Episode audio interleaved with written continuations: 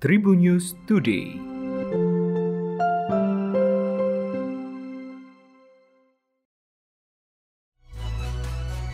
Halo apa kabar Tribuners, berjumpa kembali bersama Hakim di Tribun News Today. Hakim akan berbagi informasi menarik hari ini Mulai dari informasi nasional, regional, selebritis, dan juga olahraga Menteri Koordinator Bidang Pembangunan Manusia dan Kebudayaan atau Menteri PMK Muhajir Effendi mengumumkan akan adanya perubahan aturan syarat perjalanan menggunakan pesawat dari dan juga ke wilayah Bali serta Jawa. Menurut Muhajir akan ada perubahan syarat perjalanan dengan pesawat yang tidak lagi mengharuskan menggunakan tes PCR, tetapi cukup menggunakan tes antigen saja. Menanggapi hal tersebut, juru bicara Kementerian Perhubungan atau Kemenhub, Adita Irawati mengungkapkan, pihaknya masih menunggu penetapan dari Satgas COVID-19 terkait aturan perjalanan tersebut. Sebelumnya Satgas COVID-19 menerbitkan SE nomor 21 tahun 2021 tentang ketentuan perjalanan orang dalam negeri pada masa pandemi COVID-19. Dalam SE ini ada penyesuaian aturan untuk penumpang pesawat yang melakukan perjalanan dari dan juga ke wilayah Jawa serta Bali. Aturan terbaru perjalanan penumpang disesuaikan yaitu tidak lagi diizinkan menggunakan hasil tes negatif COVID-19 dengan metode rapid test antigen, melainkan wajib menggunakan PCR test. Juru bicara Satgas Penanganan COVID-19 Wiku Adhisa Smito mengatakan, penyesuaian aturan perjalanan untuk penumpang pesawat ini menyusul adanya perubahan aturan load factor pada transportasi udara. Selain itu, Wiku juga menjelaskan, meski tidak ada lagi batasan untuk load factor di pesawat, tetapi maskapai wajib menyediakan tiga row seat untuk penumpang yang memiliki gejala COVID-19. Kemudian Adita juga mengungkapkan bahwa saat ini untuk kapasitas penumpang pesawat sudah diizinkan lebih dari 70 persen. Tiga kepala daerah sekaligus buka suara terkait tewasnya mahasiswa Universitas Negeri 11 Maret saat diklat Menwa. Mereka adalah level Gubernur Jawa Tengah Ganjar Pranowo, Wali Kota Solo Gibran Raka Buming Raka, dan Bupati Karanganyar Juliat Mono. Korban inisial GE 20 tahun itu merupakan warga di Dusun Keti, Desa Dayu, Kecamatan Karangpandan, Karanganyar, Jawa Tengah. Kini kasus sudah naik penyidik, Puluhan saksi diperiksa dan olah TKP dilakukan di banyak tempat. Tewasnya mahasiswa saat mengikuti pendidikan dan latihan dasar atau Diksar Menwa UNS menjadi pelajaran penting. Cukup mahasiswa berinisial GE itu saja yang jadi korban dugaan kekerasan saat diklat. Status kasus itu pun telah dinaikkan dari penyelidikan menjadi penyidikan. Polresta Solo telah memeriksa 25 saksi dan telah merilis hasil autopsi dari korban.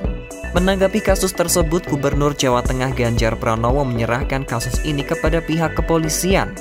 Wali Kota Solo Gibran Raka Buming Raka menekankan jika dirinya mengaku bertanggung jawab secara penuh atas tewasnya mahasiswa UNS saat diklat Menwa. Gibran menambahkan saat dirinya masih menunggu hasil autopsi GE dari RSUD Dr. Muardi Solo. Dia mengimbau bagi yang melakukan pelatihan fisik jangan sampai berlebihan. Sedangkan Bupati Karanganyar Juliat Mono ikut buka suara terkait tewasnya mahasiswa Universitas 11 Maret di saat diklat Menwa. Mahasiswa GE 20 tahun itu merupakan warganya di Dusun Keti Desa Dayu, Kecamatan Karangpandan. Dia menerangkan apabila kasus tewasnya GE sudah diproses oleh Polresta Surakarta. Kasus pelanggaran karantina Rahel V-nya kembali diperdalam pihak penyidik. Rahel V-nya sudah tiba di Ditreskrimum Polda Metro Jaya untuk menjalani pemeriksaan lanjutan pada hari Senin 1 November 2021. V-nya hadir bersama Salim Nauderer, manajernya dan kuasa hukumnya sekiranya pada pukul 8 lewat 58 waktu Indonesia bagian Barat. Padahal dari informasi jadwal yang diterima awak media, Rahel V-nya akan diperiksa sekitar pukul 10 waktu Indonesia bagian Barat. Rahel V-nya dan Salim kompak menggunakan kemeja hitam dan irit bicara saat awak media mulai menanyakan soal kedatangannya.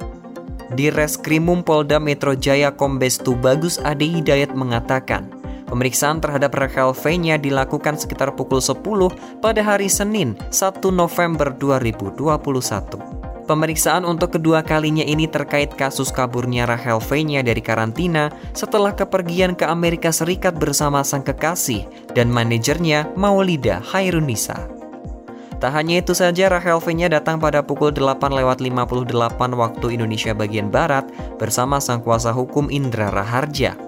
Tidak banyak berkomentar, Rachel V-nya hanya meminta doa agar pemeriksaan kali ini berjalan dengan lancar. Kabit Polda Humas Metro Jaya Kombes Pol Yusri Yunus sempat mengatakan bahwa berdasarkan hasil gelar perkara kasus Rachel V-nya kabur karantina dinaikkan dari penyelidikan ke penyidikan. Meski begitu, hingga saat ini status hukum dari Rachel V-nya masih sebagai saksi. Sekedar informasi, Rachel V-nya dan Salim beserta manajernya diperiksa terkait dugaan pelanggaran karantina dan wabah penyakit.